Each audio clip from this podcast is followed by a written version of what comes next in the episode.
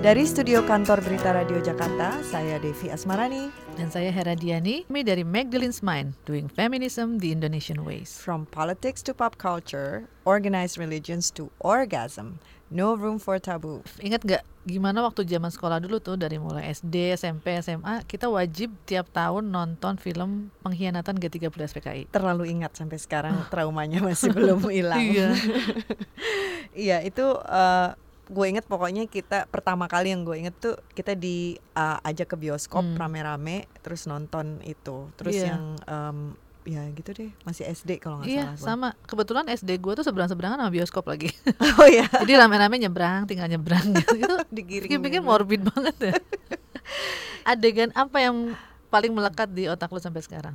Eh, yang paling semuanya sih serem sih ya Heeh. banyak darah terus warnanya terus gelap gitu grimy gitu lah Hmm. pokoknya sangat nggak enak dah tapi yang paling gue inget sih itu sih yang adegan eh, di mana ada perempuan-perempuan yang dibilang gerwani Mhm. di, lagi nari-nari sambil Hmm. nyiksa para jenderal itu Itu gila ya padahal dari fakta-fakta sejarah yang sebenarnya Gerwani atau yang gerakan wanita Indonesia itu adalah organisasi per- organisasi perempuan yang paling progresif sebetulnya.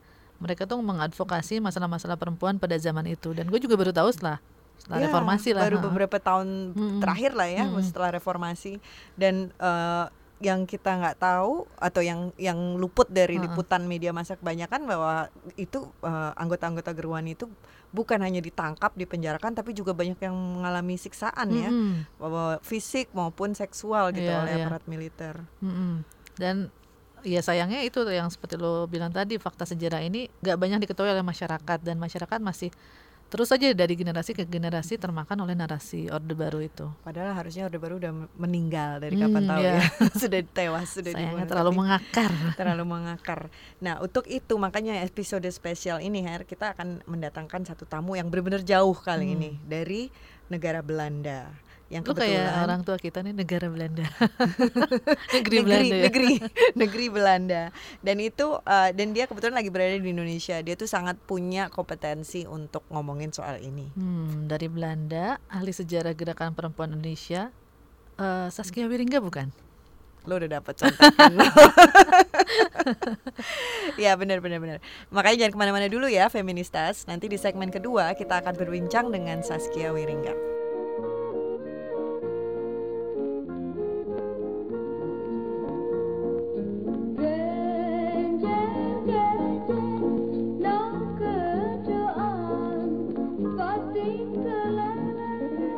Kembali lagi bersama Magdalene's Mind bersama saya Hera Diani dan Devi Asmarani. Dan di studio saat ini sudah bergabung dengan kami Saskia Wiringga. Saskia adalah antropolog dan profesor di Fakultas Sosial dan Perilaku di Universitas Amsterdam di Belanda. Sebagai profesor, Saskia mengajar studi gender dan seksualitas tidak hanya di Belanda saja, namun di beberapa perguruan tinggi di Indonesia, Korea, Jepang, Singapura, dan Afrika Selatan. Saskia juga membantu mendirikan studi perempuan di beberapa negara seperti Karibia, Namibia, Bangladesh, dan Sudan. Dan Saskia juga adalah ketua dan Yayasan International People Tribunal 1965 di Belanda. Selamat datang Saskia, terima kasih sekali sudah bergabung dengan Magdalene's Mind. Terima kasih Saskia sudah bergabung bersama kami. Nah, di episode kali ini, sebelumnya di segmen sebelumnya kami sempat ngobrol-ngobrol tentang gerakan politik perempuan di Indonesia. Kenapa Saskia tertarik dengan gerakan perempuan dan Indonesia dan akhirnya memutuskan untuk eh, masuk terjun ke dalam bidang ini?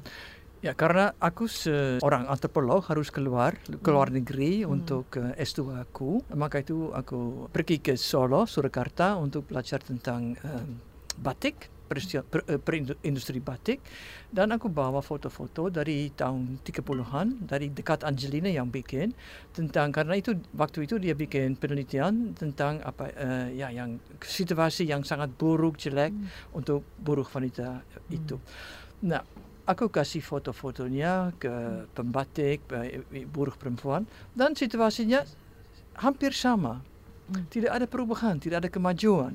Eh, maka itu di dalam waktu 40 tahun tidak ada kemajuan walaupun Indonesia sudah berdiri sendiri, sudah Hmm. independen tidak ada kemajuan. Nah, aku waktu itu sendiri Tahun berapa sorry eh, waktu itu? 76. 76, Hmm. oke. Ya, 76 77 aku sel- selama seta- satu tahun di em, Solo di Surakarta. Em, waktu itu aku seorang eh, aku bergabung dengan eh, eh, gerakan perempuan di, di Belanda uh, kita bernama Socialist Feminis dan uh, sebagai Socialist Feminis kita juga beru, uh, berusaha untuk membantu nasib buruh buruh wanita. Nah, karena aku dari uh, punya latar belakang itu, aku pikir oleh, oke, aku cari organisasi perempuan di Solo waktu itu juga. Mudah-mudahan aku bisa uh, jemput ke- ketemu uh, organisasi yang betul-betul peduli tentang nasib buruh wanita pembatik itu. Tidak ada waktu itu. Hmm. 76 tidak ada.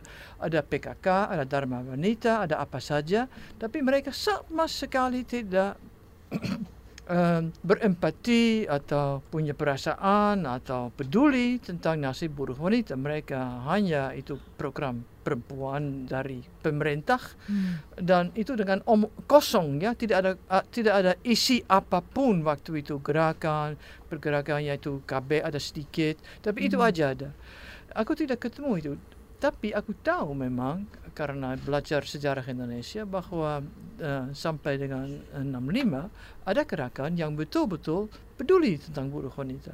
Itu bernama Gerwani, Gerakan Mhm. Wanita Indonesia. Gimana bisa sih eh, organisasi itu waktu itu kuat sekali. Jauh lebih kuat waktu itu ya 60-an daripada gerakan perempuan di dunia lain, di dunia barat mungkin ya. Hmm. Wakt- itu memang di beberapa beberapa negara di India juga, di Sudan dan di Indonesia gerakan-gerakan perempuan karena itu sesudah perang kemerdekaan itu biasanya kuat, jauh lebih kuat daripada gerakan perempuan di barat. Hmm. Di barat baru muncul akhir 60-an sampai 70-an dan betul-betul 80-an. Aku anak dari gerakan perempuan Belanda 70-an dan aku pikir wah meragu-ragu mana, mana bisa gerakan di Indonesia yang begitu kuat yang hilang. Hmm. Tidak ada ada apa itu apa pun yang masih ada dari eh, gerakan itu. Maka itu aku pikir oke lah S3 ku untuk topik ini. Hmm. Bagaimana itu bisa bahwa gerakan yang begitu kuat bisa hilang, Hmm. bisa dihancurkan. Nah itu eh, S3 ku Hmm. tentang eh, gerakan eh, perempuan Indonesia. Hmm. Oke. Mungkin sorry sebelum kita masuk ke Gerwani, saya juga pengen tahu em, pada saat itu berarti kan em, Dharma Wanita ya, dan itu ketika Soeharto sedang mengkonsolidasi kekuatannya di Indonesia dan termasuk juga memasuki dengan mensub- mensubvert eh, gerakan-gerakan perempuan. Nah, em, apakah eh, Saskia melihat bagaimana Soeharto merepresi gerakan perempuan saat itu? Gerakan perempuan eh, seperti Gerwani dulu berdiri sendiri.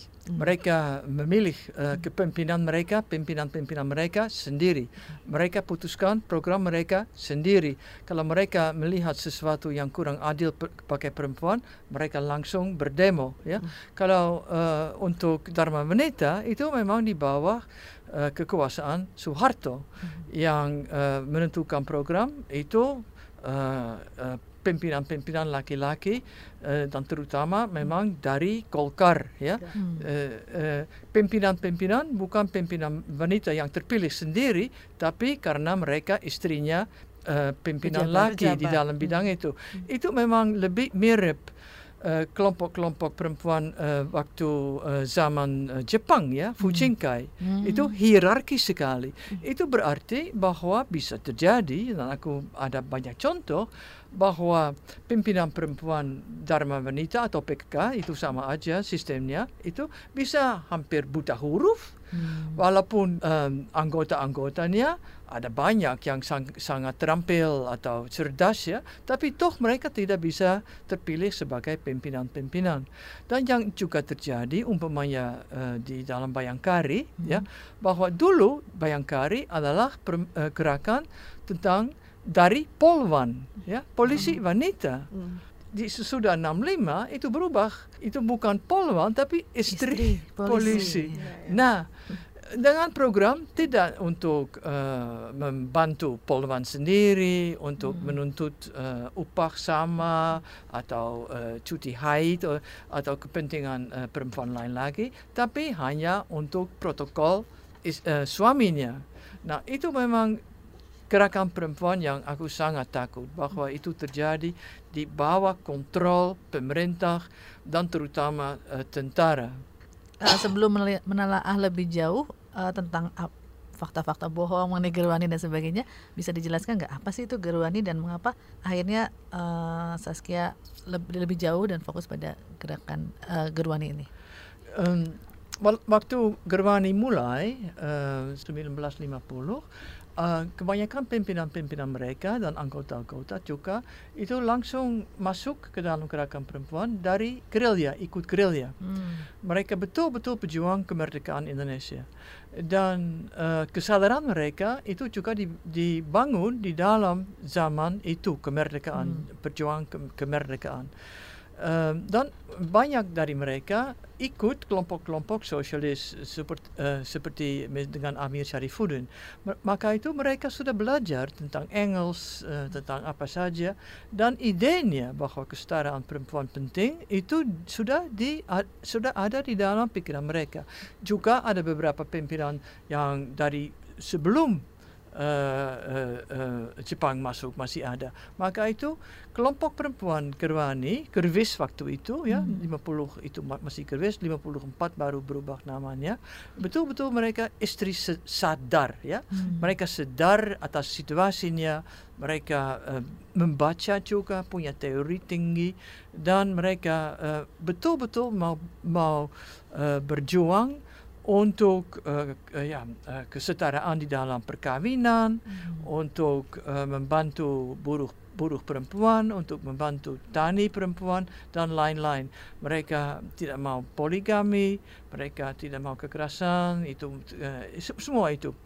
Sesudah 54 mereka berubah uh, mereka menjadi sedikit dari, dari ber, ber- berubah dari kelompok kecil uh, perempuan yang sangat sadar sampai menjadi gerakan massa. Hmm. Mereka akan turun ke bawah, turba, pergi ke kampung-kampung, halaman, ke desa-desa dan uh, bikin kelompok kecil-kecil-kecil. Apa kesulitan anda sebagai perempuan di desa ini? Banyak buta huruf, maka itu uh, uh, anggota Gerwani ada banyak guru karena mereka betul-betul modern ya. Uh, dan gurunya ada banyak yang jalan kaki setiap hari Minggu itu satu-satunya hari libur pergi ke desa-desa untuk mengajar perempuan-perempuan di desa untuk bisa belajar ya. Eh, dan em, dan baca dan, dan menulis maka itu kesadaran itu tinggi sekali. Dan kalau mereka kasih pendidikan ya mereka selalu kasih pendidikan praktis tambah dengan pendidikan politik. Hmm. umpamanya kalau praktisnya tentang masak ya tahu dan tempe ya gizi mereka juga kasih eh, apa itu pelajaran politik? Bagaimana itu terjadi? Bahwa harga beras begitu tinggi ya. Bagaimana itu tentang produksi ini? Bagaimana dengan semua itu? Juga isi politik selalu ada. Waktu PKK ambil banyak elemen dari Gerwani untuk eh, eh, kelompok mereka mereka ambil umpamanya i- isu-isu masak ya. Tapi tanpa isi aku ikut banyak Hmm. sekali eh, per- eh, apa itu pertemuan-pertemuan PKK karena aku cari ya Hmm. ada yang yang betul-betul Berbeda. tertarik yang Hmm. berbeda tidak ada Hmm. umpamanya kalau di Gerwani mereka masak untuk ini gizi untuk Hmm. anak-anak Hmm. ya dengan tahu tempe dan macam-macam Hmm. sayur-sayuran tapi kalau PKK mereka hanya hanya itu ada lomba lomba masak Hmm. tapi untuk siapa yang terindah ya Hmm. dengan tomat di sini atau Sangat superficial sini. ya. superficial Hmm. tanpa ada pelajaran politik tanpa malah ada isinya tentang gizi Hmm. Hmm. Hmm. itu bedanya Ya, ya. Itu em, nah kalau dilihat berarti eh, Gerwani ini sangat em, mereka Progresif, sudah ya. sangat progresif memperjuangkan kesetaraan perempuan. Tapi pada saat yang sama eh, apakah sebenarnya tujuan utama mereka apa ap- karena kan di eh, dikaitkan dengan Partai Komunis Indonesia. Sebagai seberapa besar perjuangan mereka juga yang terhubung dengan komunisme dan sosialisme. ada memang hubungan itu ada selalu ada sayap komunis dan sayap eh, feminis dan lama-lama sampai 65 sayap komunis eh, menjadi lebih kuat Hmm. tapi ideologi mereka terutama adalah ideologi Soekarnois ya Hmm. dengan eh, ada itu tema Soekarno bahwa kita perlu emansipasi revolusioner. Nah, re- apa itu persisnya emansipasi revolusioner? Itu tidak tidak selalu begitu Hmm. jelas, Hmm. tapi mereka pikir kalau kita sebagai perempuan harus maju ke depan, harus eh, cari kesetaraan antara laki-laki dan perempuan dan kalau ada Indonesia sosialis yang memang itu cita-cita eh, Soekarno ya kita baru kita bisa eh, apa itu memperjuangkan dengan sukses tentang kesetaraan eh, gender tapi mereka tidak pernah bergabung official secara resmi dengan PKI It- mereka tidak onderbouw ya Hmm. Oke. mereka berdiri sendiri sampai akhirnya. Tapi memang eh, ak- em, di awal 65 semua organisasi massa seperti em, Gerwani terpaksa ikut partai politik. Oh. Semua, semua organisasi, bukan hanya organisasi perempuan, semua organisasi, organisasi eh, buruh, organisasi petani harus semua. Dan waktu itu ada eh, meeting, satu rapat eh, bulan Februari, okelah partai yang kita terdekat itu adalah PKI. Hmm. Dan itu harus diresmikan di dalam kongres, tapi kongresnya tidak pernah ada karena kongres direncanakan bulan Desember 65. Nah, kongres itu tidak pernah ada. Jadi secara resmi tidak pernah mereka Tidak pernah. menjadi bagian Oh, dari oke. PKI. Tidak ya? pernah, tidak pernah, Mm, tidak mm, pernah. Mereka dituduh komunis Mhm. dan ada beberapa vankom, tapi ke- eh, kebanyakan pimpinan masih tetap feminis saja dan Mhm. tidak mau. Tapi mereka karena mereka terpaksa pilih, Mhm. baru mereka oke, tidak Mhm. ada partai yang lain. Mhm. Oke. Tapi secara resmi tidak, Tidak terjadi. Mhm. Ya, Mhm. itu penting karena itu tidak eh, Ya. orang-orang lupa itu. Iya betul. Tapi eh, rezim Orde Baru secara spesifik menghajar Gerwani itu, Itu. kenapa? Karena Nah, apa sekarang yang terefektif? Hmm. Sekarang, kalau ada hoax-hoax, Hmm. kalau ada black Hmm. campaign, Ya. Seksualitas tuh right. Ya. LGBT. Mhm. Nah, itu sama dengan 65. Hmm. Seksualitas itu adalah yang karena itu tidak pernah didiskusikan secara resmi, ya. Karena tidak pernah ada pendidikan seksual untuk eh, untuk untuk untuk eh, untuk youth di sini. Mhm. Itu sesuatu yang selalu ada di dalam gosip, rumor, ya. Dan itu itu dianggap berbahaya. Ada banyak mitos-mitos, ada kuntil anak, ada selalu ada iya. sesuatu yang yang yang yang kurang kurang enak, kurang jelas, kurang transparan tentang seksualitas ya. Betul. Nah, baru sekarang aku tahu siapa yang menciptakan fitnah Kerwani. Hmm.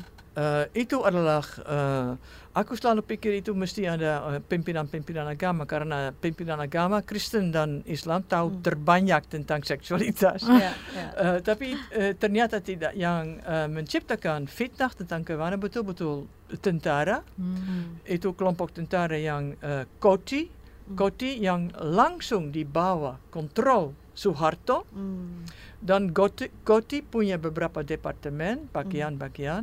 Ada bagian lima tentang Psy War, Hmm. itu pimpinannya eh, Sucipto, Hmm. Pak Sucipto SH dan dia yang menciptakan se aku dengar barusan ini eh, fitnah Kerwani, cerita Kerwani. Dan karena mereka mengontrol semua koran-koran, radio di mana-mana, itu langsung disebarluaskan. Itu setelah berarti setelah eh, apa namanya setelah eh, 65. G30S itu ya. Setelah, Setelah, kejadian setelah. itu baru mulai eh, Baru mulai, ya. be- begitu cepatnya dan masifnya Oh, sistematis banget ya. Ya, sistematis. mungkin sekali. sudah ada persiapan, aku Oh, tidak oke, tahu. oke, ya, ya, Itu ya. bisa karena mereka memang sudah dilatih oleh CIA ya Hmm. dengan perang psikologis ya. Itu bisa bahwa mereka sudah punya pikiran itu. Aku itu aku tidak tahu karena aku tidak pernah bisa me- mewawancarai Ya, Pak Sucipto sendiri karena dia sudah almarhum. ya. Em, tapi yang jelas itu adalah bahwa itu berasal dari eh, Hmm. eh,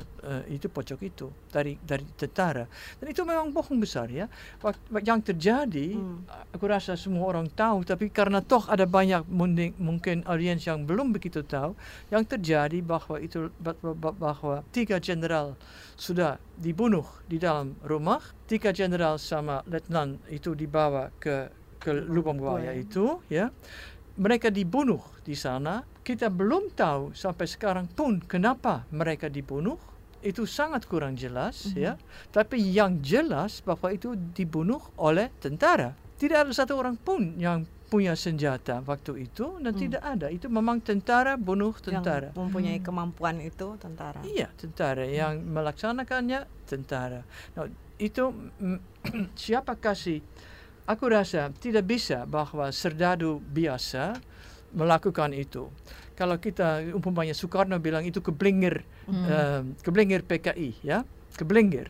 Hmm. Tapi kalau keblinger mungkin satu dua ya kalau Hmm. eh, itu ada pe- pertempuran. Tapi tidak bisa keblinger kalau Hmm. ada empat orang yang masih hidup yang dibawa itu di eh, kepa- kepada satu tempat dikelilingi oleh ratusan tentara. Serdadu biasa tidak akan membunuh itu Hmm. tanpa ada orang yang memerintahkannya. Nah, dari mana perintahnya kita belum tahu. Hmm. Ya, ada Latif, ada Untung dan eh, ada beberapa ofisir yang lain. Tapi di, memang itu benar bahwa itu juga itu pusat latihan Gerwani. Hmm. Atau eh, kita mesti mesti bilang itu bukan Gerwani ya, karena itu di mana-mana di negara waktu ada eh, tempat latihan. Latihannya untuk eh, Malaysia ya. Hmm. Itu kampanye konfrontasi Malaysia. Iya. Hmm. Mereka semua melatih dengan ya, Hmm. apa saja lokan-lokan dan politik eh, memang dan itu latihan itu diambil oleh gadis ya. Hmm. Mereka belum boleh menjadi anggota Gerwani karena ada batas umur 16. Mereka di bawah umur itu. Oh, Mereka, maka itu mereka remaja, remaja PR, ah, ah, biasanya PR atau lain lagi. Tapi mereka belum boleh diperbolehkan untuk menjadi anggota Gerwani Hmm. karena terbatas umur. Ke- Kecuali kalau mereka sudah kawin, ya, Hmm. kawin atau 16. Maka itu ada- hanya ada dua tiga orang Gerwani karena yang mem- mem- membantu gadis itu dengan masak dan apa saja. Eh, itu aja mereka dengar ada truk-truk datang, teriak-teriak, tembak-tembak. Mereka memang eh, sangat terkejut. Itu aja dan mereka lari dari dari latihan itu karena itu memang terkejut. Mereka ada yang lari langsung ke eh, apa itu eh, pimpinan pimpinan Gerwani atau pulang pulang pulang pulang ke rumah mereka. Tapi mereka sama sekali tidak menari, Hmm. Hmm. tidak tidak menjilid, tidak potong kemaluan. Hmm. Iya. Itu sama sekali itu bohong. Hmm, hmm, hmm. Itu jadi bagian dari sepanjang masa ya Mm-mm. selalu penghancuran nama perempuan tuh lewat seksualitas lewat eh, yang ditargetkan. Nah, yang saya pengen tahu eh, sebelumnya kira-kira ada nggak data berapa paling besar ketika masa jayanya eh, Gerwani itu kira-kira berapa banyak anggotanya atau mereka Mereka sendiri bilang 3 juta. Mhm. Um, tapi aku rasa itu kelebihan. Hmm. Ya, aku sendiri di bukuku hanya bilang satu setengah juta. Tapi Hmm. itu betul itu pasti satu setengah Tapi juta. mereka organisasi yang cukup terstruktur, artinya Oh, ada n- nasionalnya, terus kemudian atau pusatnya, kemudian di daerah juga. Iya, eksis sampai ke gitu. ranting-ranting. Hmm, Tapi sebagian besar tuh ada di mana? kantong-kantong. Kantong. ya. Kantong-kantongnya ada di Jawa banyak, Hmm. di Bali juga ada, di Sumatera Utara, Hmm. eh, ya di mana-mana, Mana-mana di ada. mana-mana ada, di mana-mana. Dan memang. usianya muda eh, kebanyakan. Kebanyakan muda, modern, progresif, banyak kurung yang masuk. Iya, banyak karena guru. mereka tertarik sama Iya, itu, iya. karena itu memang ka- eh, PKI waktu itu itu partai yang termodern ya. Iya. Kalau yang membantu eh, buruh-buruh karena Hmm. banyak guru yang tertarik eh, ikut. Sebenarnya luar biasa ya dengan Hmm. memperhitungkan bagaimana eh, apa namanya per eh, penyebaran informasi tidak Mm-mm. seperti sekarang bisa sekian banyak anggotanya ya. Hmm. Sekarang tidak bisa lagi. Iya, Enggak, tidak ada kelompok perempuan yang Iya. begitu Iya, besar. betul. Sama Iya. sekali tidak Hmm. ada. Ini yang saya juga ingin tahu adalah kan eh, seperti ketika Saskia pertama kali ke Indonesia tertarik dengan Gerwani tapi tidak ada sama sekali berita tentang Gerwani. Eh, tidak ada informasi itu karena pretty much sudah dihapus ya semua oleh sudah Iya. berhasil lah Soeharto menyingkirkan itu. Eh, tapi bagaimana terus kesulitannya pada saat itu riset dan baga- bagaimana akhirnya mendapatkan data-data ini? gitu? Oh ya, cukup sulit. Memang waktu aku em, ya harus cerita juga em, di em, di per- penelitian tentang batik, aku bikin film. Film itu memang film eh, sangat gelap karena tidak diperbolehkan. Caranya begini adalah aku duduk di depan sama pemilik-pemilik batik, omong-omong sampai bosan ya. Pemiliknya bosan, aku tanya itu upah, keadaan, sampai dia bosan. Aku aku tanya, Pak, boleh aku lihat sedikit ya?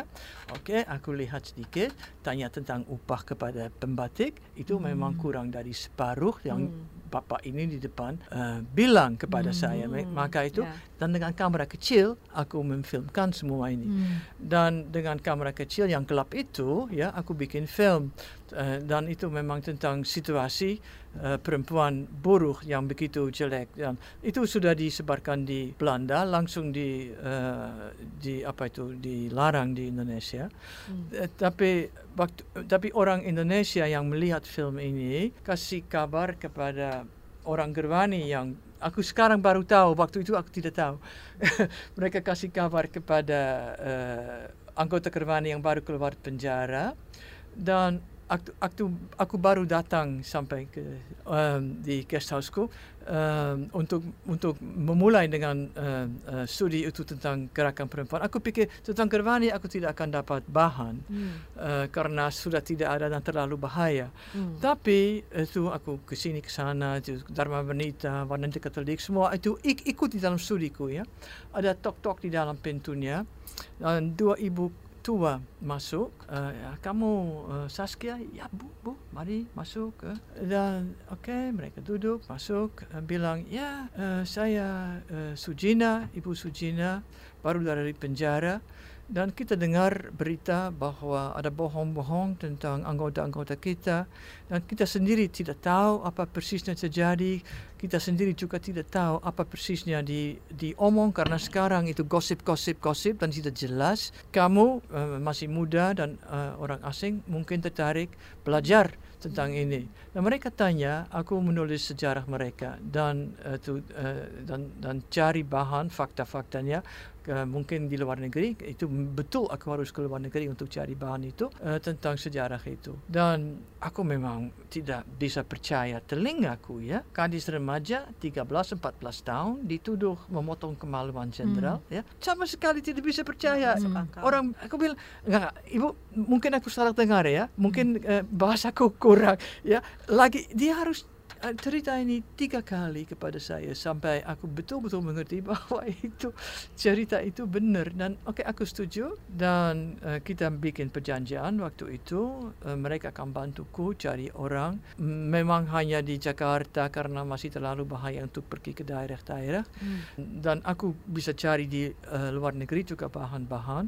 Eh, dan di dalam studiku eh, aku memang eh, tanggung jawab dengan eh, hal-hal yang akademis ya Eh, dan analisisnya tentang Gerwani eh, dan, dan itu juga berhubung dengan gerakan perempuan yang lain tapi mereka harus baca dulu se- se- sebelum tesisku Hmm. bisa keluar Hmm. supaya aku tidak uh, bikin sesuatu supaya Bakin atau uh, organisasi lain bisa cari oh ini uh, si Saskia ini uh, omong sama ibu itu kita Hmm. mesti Oh, membunuh bu- iya Oh, itu ya oke. Ya. maka itu tentang uh, keamanan Hmm. ya itu berarti bahwa uh, itu ambil waktu 13 tahun sampai aku baru bisa ambil S3 karena pas sesudah studi ini aku dilarang masuk ke Indonesia Hmm. maka itu aku harus nunggu Tahun berapa tuh dilarangnya?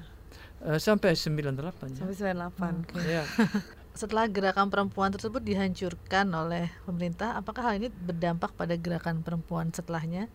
Bagaimana um, menurut pandangan Saskia terhadap gerakan perempuan di Indonesia? Ya mati memang uh, selama beberapa tahun sampai kelompok-kelompok kecil seperti Kalyana Mitra uh, muncul lagi. Uh, tapi gerakan perempuan sampai sekarang pun tidak pernah sekuat waktu itu Hmm. ya. Dan uh, kalau ada perempuan yang betul karena pem- kepemimpinan perempuan itu dianggap cabul Hmm. ya. Hmm. Kalau ada sekarang pimpinan pimpinan perempuan itu se- mereka sering itu disebut gerwani baru. Hmm. Dan kalau disebut gerwani baru itu bahaya dan kurang enak dan orang betul-betul tidak mau itu, maka itu itu sampai sekarang pun bohong-bohong itu masih tetap punya Ya, efek. ya. Mhm. Kalau misalnya ada eh, tadi kan soal bayangkari, sekarang gimana? Masih ada kemajuan nggak di? Di- sekarang tetap aja ya. Sekarang tetap tetap aja Mhm. mereka tidak berubah. Ya mungkin sedikit lebih bebas. Aku Mhm. dan begitu ke dalam lagi karena waktu itu di 80-an aku memang pergi kemana-mana Mhm. mewawancari orang. Aku belum pernah eh, sesudah itu mewawancari orang, tapi saat aku baca itu situasinya tetap sama. Hmm. Tapi kok pengen eh, pengen balik lagi nih kepada masa ketika Gerwani terjadi penangkapan besar-besaran terhadap Gerwani. Kan Saskia mewawancara banyak orang ya. Itu kira-kira bisa diceritakan nggak kejahatan yang paling besar yang dilakukan terhadap mereka gitu? Hmm. Kejahatan ya itu kejahatan itu memang penyiksaan seksual ya. Hmm. Itu selalu yang terjahat yang mereka selalu ceritakan. Itu begitu kejam mereka diperkosa ter- terutama itu eh, gadis-gadis anak-anak itu Mhm. yang di lubang buaya. Eh, mereka diperkosa terus menerus ya. Hmm. dan itu sam- ada beberapa yang eh, ditelanjangi em, dan difoto di dalam penjara sebagai foto itu sebagai bukti bahwa beberapa bulan sebelumnya mereka menari telanjang ya Hmm. itu seperti itu mereka menciptakan Mhm. bukti mereka sendiri ya Mhm. A- eh, itu ada yang yang menjadi gila ya Hmm. yang bunuh diri Hmm. karena mereka tidak tahan Hmm. penyiksaan seksualnya Hmm. dan eh, itu penyiksaan seksual bukan hanya itu eh, di sini di Jakarta tapi juga di mana-mana ada Hmm. cerita kita dengar dari Kupang sampai ke eh, itu Sumatera bahwa perempuan secara rutin ditelanjang telanjangi dan ada mereka cari cap kerwani Hmm. Nah, cap kerwani memang sama sekali tidak ada Hmm. itu hanya Mitos karena- Mitos ya. Iya, iya, iya. iya. Menelanjangi Iya. perempuan soalnya. Mhm. Dan itu memang gang rape Hmm. dan sexual Ini oleh slavery. aparat atau oleh aparat tentara semua. semua. Amara- semua aparat, Hmm. semua aparat. Ya. Hmm.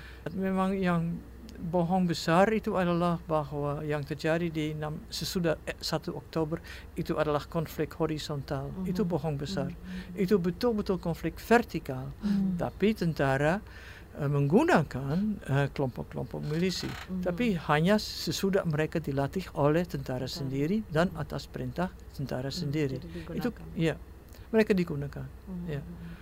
Mereka juga pel, apa itu memang eh, eh, pelaku, Mhm. Tapi yang eh, yang menguasai waktu itu, yang merintah itu tentara. Mhm. Itu em, tahun tiga tahun lalu ya tepatnya tahun 2015 berhubungan dengan ini juga Saskia kan bersama International People Tribunal IPT ya IPT 1965 menyelenggarakan pengadilan rakyat di Den Haag terkait kejahatan pasca 65 di Indonesia bisa dijelaskan nggak mengenai IPT 65 ini apa Ya. yang terjadi sejak saat itu gitu Em, aku memang seorang ngotot, aku rasa. bagus Karena oke, aku nulis buku tentang Gerwani, tidak ada yang baca. Aku bantu bikin film tentang Gerwani, The Women and the Generals, tidak ada yang nonton. Aku menulis eh, novel tentang Gerwani dan sejarah dan semua itu lubang, tentang lubang buaya. Ya ada lebih banyak yang membaca, tapi toh tetap bohong tetap ada, ya. Dan itu pelaku-pelaku sampai sekarang pun hidup dengan impunitas, ya. Sampai aku betul-betul menjadi putus asa dan kalau aku putus asa aku menjadi marah. Aku pikir apa aku boleh buat. Waktu itu ada film oleh eh, Joshua Oppenheimer Hmm. dan mereka ada launch film itu di Belanda. Joshua Oppenheimer Yang ada. pertama ya? Yang pertama yang eh, Jagal. Iya. Aku betul-betul terpukul ya Mhm. melihat itu. Kalian nonton Iya, ini? iya. Iya, Mhm. pasti nonton ya. Wah, aduh, aduh, aduh. Terus sesudah itu em, kita semua kumpul di rumahku, rumahku besar di de- di Den Haag di mana itu launch itu dan itu si Joshua juga ikut, ada beberapa orang dari Komnas HAM ikut Eh, dan memang sudah ada laporan Komnas HAM Hmm. Hmm. dan pemerintah Indonesia tidak melakukan apa-apa. Sudah ada film Jakal ya itu eh, tidak diterima di Indonesia ya. Ya. Ada buku-buku banyak-banyak ada. Tapi tet- tetap tidak ada perubahan apa-apa. Impunitas tetap ada. Terus kita pikir baga- apa kita bisa buat apalagi karena itu pengadilan Indonesia yang tidak akan diadakan ya, tidak bisa. Eh, apalagi di um, ICC, eh, the International Criminal Court, tidak bisa karena itu tidak bisa handle cases yang sebelum ditandatangani Hmm. dan Indonesia menolak ICC itu. Maka itu secara formal internasional tidak bisa apa-apa dan di Indonesia sendiri tidak akan dibuat apa-apa. Maka itu eh, kita hanya bisa eh, bikin eh, People's Tribunal dari rakyat Hmm. dan itu berhasil Hmm. kita ada aku rasa hakim yang sangat eh, baik kelompok-kelompok juga prosecutor jaksa sangat baik dari Indonesia uh, kebanyakan. Dan di dalam tiga hari kita kumpul banyak uh, saksi ahli dan uh, saksi hidup. Dan itu sangat impresif. Dan aku rasa bukunya itu hasil uh, dari IPT ini sangat penting. Itu yang pertama itu adalah bahwa yang terjadi di Indonesia betul-betul genosida ya. Hmm. itu genosida dan memang sebagai IPT kita akan terus menerus memperjuangkan ide ide itu di dalam dunia internasional juga. Hmm. Dan mudah-mudahan di Indonesia juga. Maka itu IPT hanya langkah bukan sesuatu Hmm. yang final. Hmm. Ya. itu sesuatu kesadaran politik dan keputusan-keputusan itu ada di bahasa Indonesia juga ada. Semua orang bisa bacanya di dalam website kita.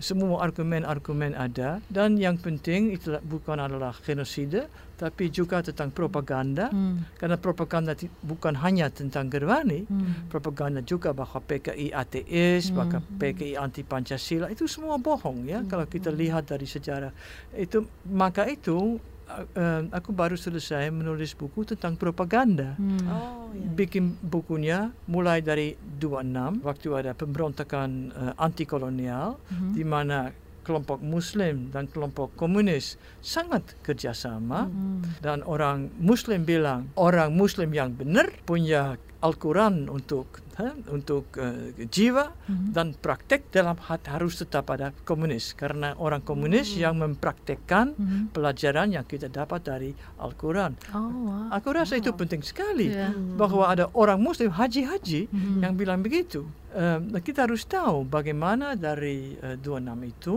itu menjadi sampai mereka saling membenci Hmm. dan kita tidak bisa pikir lagi bahwa uh, komunis dan Islam bisa bersama Mhm. untuk memperjuangkan hak-hak buruh dan tani tani miskin ya. Ma- tapi waktu itu mereka bikin itu. Maka itu dari 26 sampai ke perang kemerdekaan dan mereka memang Majun ada, tapi bukan hanya Majun ada, ada Darul Islam juga.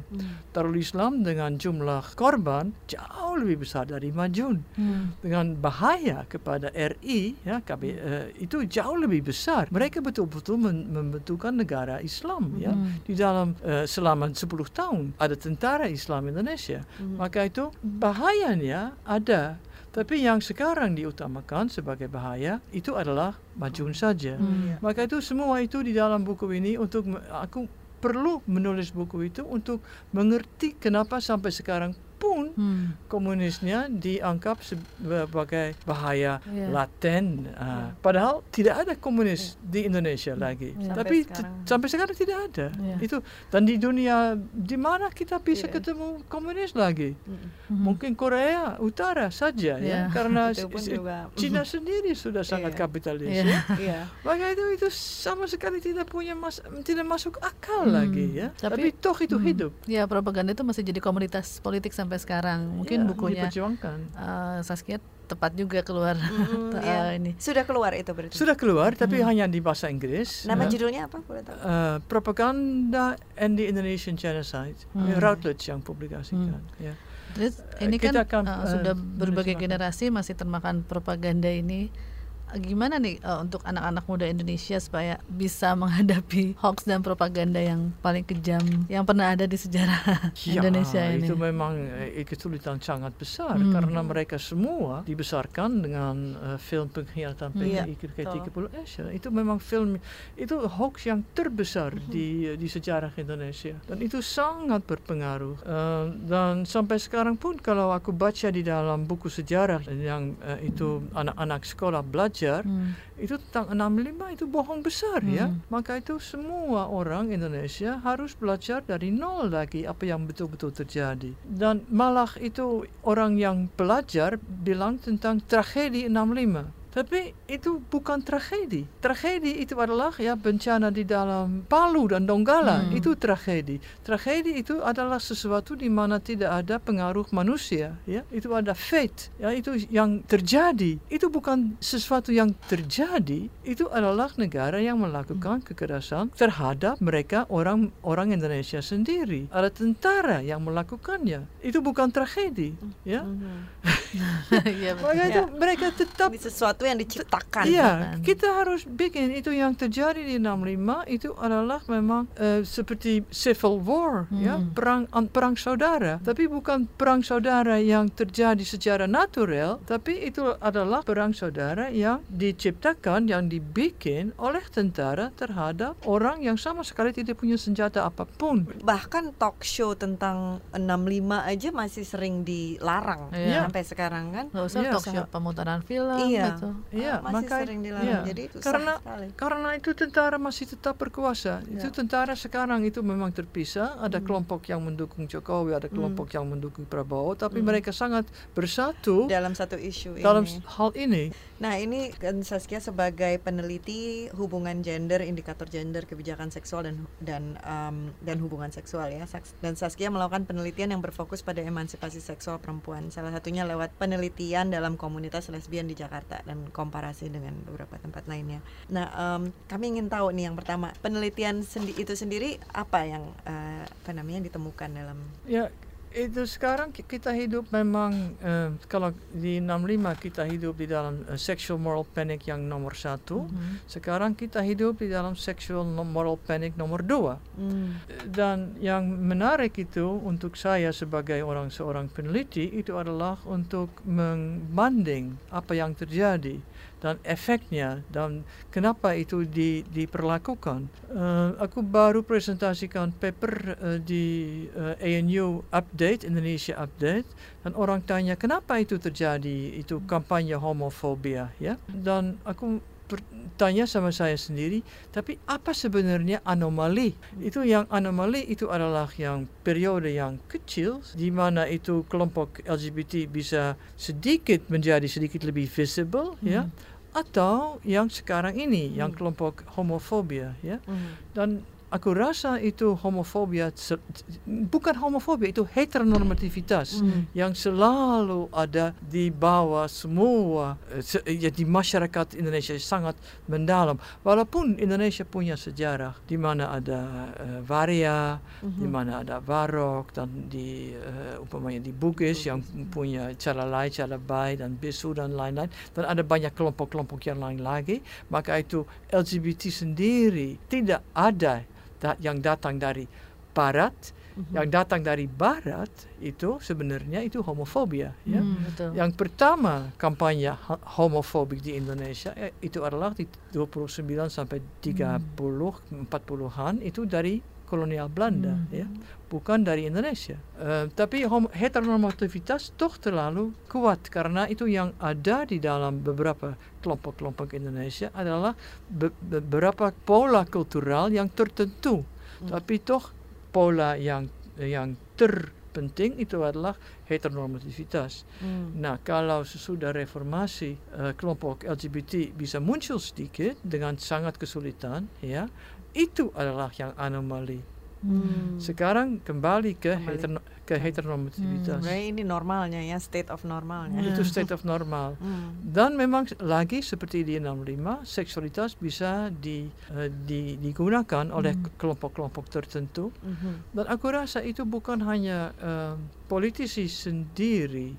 Aku rasa itu jauh lebih eh, luas dari eh, pimpinan-pimpinan politik sekarang ini Hmm. yang menggunakan apa saja mereka bisa Hmm. gunakan untuk menyebarluaskan politik mereka untuk membuat Indonesia sebagai negara syariah. Ya. Hmm. Itu kampanye yang sangat luas aku rasa. Dan Maka itu kita tidak bisa bikin bi- bilang ah ini yang memotori Hmm. karena bukan satu orang.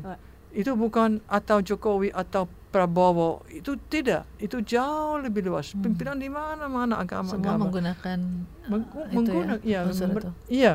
Dan sekarang apa saja ya? Orang kalau orang bisa bilang apa saja, eh pengeras suara itu keras ya. Eh, Hmm. anti-Islam. ya. Hmm. Eh, atau aku tidak setuju dengan ustadz ini, kamu anti-Islam. Ya. Itu bukan, bukan orang Islam semua, ya, Hmm. yang mendukung, yang s- eh, coba hidup menurut Quran, tapi Quran itu, aku baca, aku seorang Muslim sendiri ya, Hmm. aku baca Al-Quran, aku setuju dengan banyak hal memang bagus ya, tapi yang aku aku aku dapat dari Al-Quran itu adalah bahwa Allah yang rah, rahim ya punya itu sesuatu yang perempuan rahimnya Hmm. dan itu tentang bukan tentang kekerasan. Itu yang aku tidak Hmm. dapat, tapi yang aku dapat dari orang, bukan dari Hmm. Al-Qur'an. Nah, Ya. tapi kalau diskusi ini sama sekali tidak bisa dilakukan iya, sekarang. Iya, Dan aku sangat eh, sedih karena itu. iya. Menjadi kelompok LGBT menjadi kelompok yang sangat yang termasuk yang paling dipersekusi Mm-mm. saat ini, yang paling rentan sama paling persekusi dan rentan. kekerasan. Dan ada banyak orang yang eh, itu aku memang tidak ahli ahli Islam, tapi yang eh, bisa mengkombinasikan HAM isu-isu HAM dengan ajaran agama. Tapi yang orang keras yang eh, mereka tidak mau tahu tentang itu. Em, tahun depan ini terus terang tahun yang Menentukan tidak kita tidak kita apa nanti. Ya, yang tidak kita nantikan. yang aku menyesal itu adalah bahwa kelompok perempuan terpisah sekarang. Hmm. Dan aku rasa tidak perlu eh, kita terpisah dan ada yang kelompok eh, cebong dan kampret ya itu tidak perlu karena yang akan terjadi itu adalah bahwa salah dari, satu dari yang dua akan terpilih ya Hmm. itu pasti Pasti. pasti Indonesia akan ada presiden dan itu atau Jokowi atau Prabowo Hmm. ya dan apa mereka bilang tentang eh, HAM perempuan? Tidak ada satu kata pun, ya. Maka itu buat saya bedanya aku tidak tahu. Yang aku rasa yang penting itu adalah bahwa kita perempuan sendiri bikin bikin platform Hmm. bersama ya tidak penting kita mendukung eh, Jokowi atau Prabowo tapi itu tuntutan kita dan kita pergi ke Jokowi dan Prabowo oke lah kalau bapak terpilih mendukung kita dengan ini ini ini ini itu jauh lebih penting aku rasa daripada eh, kita kita menentang Hmm, hmm. tentang Jokowi Prabowo Hmm. tapi kita mesti membuat platform sendiri, perempuan, platform perempuan. Aku rasa itu ya. Ya. Dan kita karena toh atau Prabowo atau Jokowi, aku dulu memang sangat berharap eh, bahwa eh, Jokowi eh, betul-betul eh, jujur ya tentang HAM, tapi tidak tidak ada buktinya. Hmm. Eh, maka itu ya biar aja kita bersatu Mm-mm. dan eh, men- eh, menentang itu ber- eh, coba untuk memperjuangkan tuntutan-tuntutan yang kita bikin sendiri bukan tergantung pada pimpinan-pimpinan itu. Ini saatnya kita butuh seperti gerakan Gerwani itu ya, Ya. yang mempersatukan berapa juta perempuan. Tapi ya seperti yang Saskia bilang tadi, gerakan perempuan terpisah-pisah saat ini, tidak. Ya kalau ju- jutaan perempuan aku rasa tidak akan bisa lagi tapi mungkin kita bisa bikin dengan semua kelompok perempuan yang yang ada yang Mhm. sekarang sudah ada. Mhm. Oke lah, apa platform kita? M- mungkin aku sebut ini affinity politics ya. Kita bisa eh, ada kelompok Jokowi, ada kelompok ini, ini, ini tidak penting. Tapi untuk masa depan apa apa tuntutan yang kita bisa eh, menyetujui? Itu Hmm. yang penting. Gerakan perempuan, oke mau ini kelompok Rahima, kelompok Hmm. Kaina Mitra, kom- Kompas Perempuan, apa saja yang ada ya punya sendiri-sendiri keahlian mereka sendiri. Tapi apa ada ke- kelompok eh, itu hal-hal yang komun yang Hmm. kita bisa berjuangkan bersama. Siapa yang bisa memulai Apa? Uh, menyatukan ini? Bukan saya. itu sudah terima- jelas. Mungkin mungkin kelompok Magdalena. Terima kasih Saskia, kita kayaknya sudah harus ini tapi eh, tadi sangat membantu sekali Ah. percakapannya. Semuanya kita bisa ketemu lagi ya. Terima kasih. Terima kasih banyak. Ya ya, sama-sama.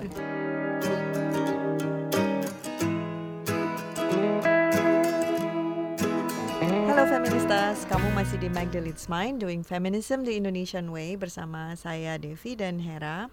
Perbincangan kami dengan Sasya Wiringga membantu sekali ya Her untuk meluruskan hoax-hoax yang beredar tentang gerakan Hmm. perempuan Indonesia. Eh, tadi apa aja sih yang lo tangkap?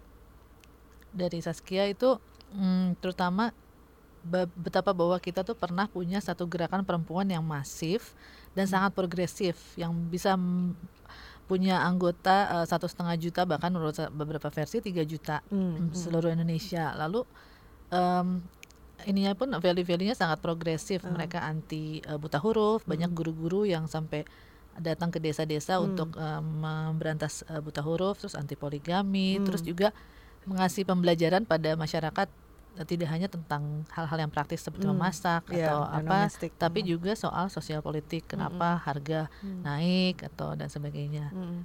Dan itu termasuk yang paling progresif Iya, dibandingkan di negara-negara Barat ya Mm, pada saat mm. itu ya. Eh, tadi juga gue nangkep tentang eh, Gerwani dan kan selalu apa namanya diasosiasikan dengan PKI Hmm. dan termasuk yang kita omongin tadi tuh Mm. waktu opening tentang film itu Iya, iya. Eh, itu katanya adalah hoax terbesar dalam Mm. sejarah Indonesia. Mm. Terus eh, bahwa eh, serangan terhadap gerakan perempuan itu selalu dari sisi seksualitas Ya. dan itu digunakan sampai sekarang. Ya. Yang tadi dia bilang sangat menarik, seksual apa? Moral panic Sexual moral panic number nomor two, dua ya. termasuk yang yang sekarang sangat perkes- persekusi LGBT saat Mm-mm. ini. Um, nah yang yang bagi gue sangat penting adalah yang pesan dia terakhir nih kita Mm-mm. sebagai perempuan gerakan perempuan harus bersatu kita Mm-mm. harusnya ada eh, meskipun nggak bisa sebesar semasif zamannya Gerwani dulu tapi paling nggak ada satu platform yang Mm-mm. mempersatukan kita Iya. jadi kita nggak kebawa politik kiri kanan politiknya cebong dan kampret dan whatever gitu kita harusnya ada dan kita membawa kepentingan perempuannya Eh, menarik banget walaupun agak depresif ya. Ini Gak apa-apa, kita habis ini makan nasi gila Iya. oh, menarik. Emotional Ngomong-ngomong ini Magdalene's Mind udah di penghujung tahun, udah tujuh episode. Terima kasih Wow. sudah mendengarkan tujuh episode Magdalene's Mind, produksi dari Magdalene Co. Magdalene.co, slanted guide to women's and issues. We aim to engage, not alienate. Jangan lupa nantikan episode-episode terbaru kami di tahun 2019 Tentu dengan isu yang menarik dan informatif Dan jangan lupa juga subscribe kami di KBR Prime Di Spotify, Soundcloud, Castbox, atau Anchor Di mana pun yang kamu eh, dengar ya Di mana kamu mendengarkan podcast kesenangan kamu Tidak lupa kredit untuk Elma Adisha, reporter produktif Magdalene yang memproduksi memproduksi acara ini. Dia sendiri nih yang kayaknya nambahin produktif. Setiap setiap acara ya kayaknya Tapi kita kasih tepuk tangan Ya, tuh ya, ya, ya, ya. Yeay, Selamat ya udah tujuh episode lah kita melahirkan Uh-uh. ini dari rahim Magdalene Sampai ketemu di episode berikutnya Happy early Christmas dan Happy New Year's and holiday masih lama sih Tapi ya selamat menikmati akhir tahun ini Bye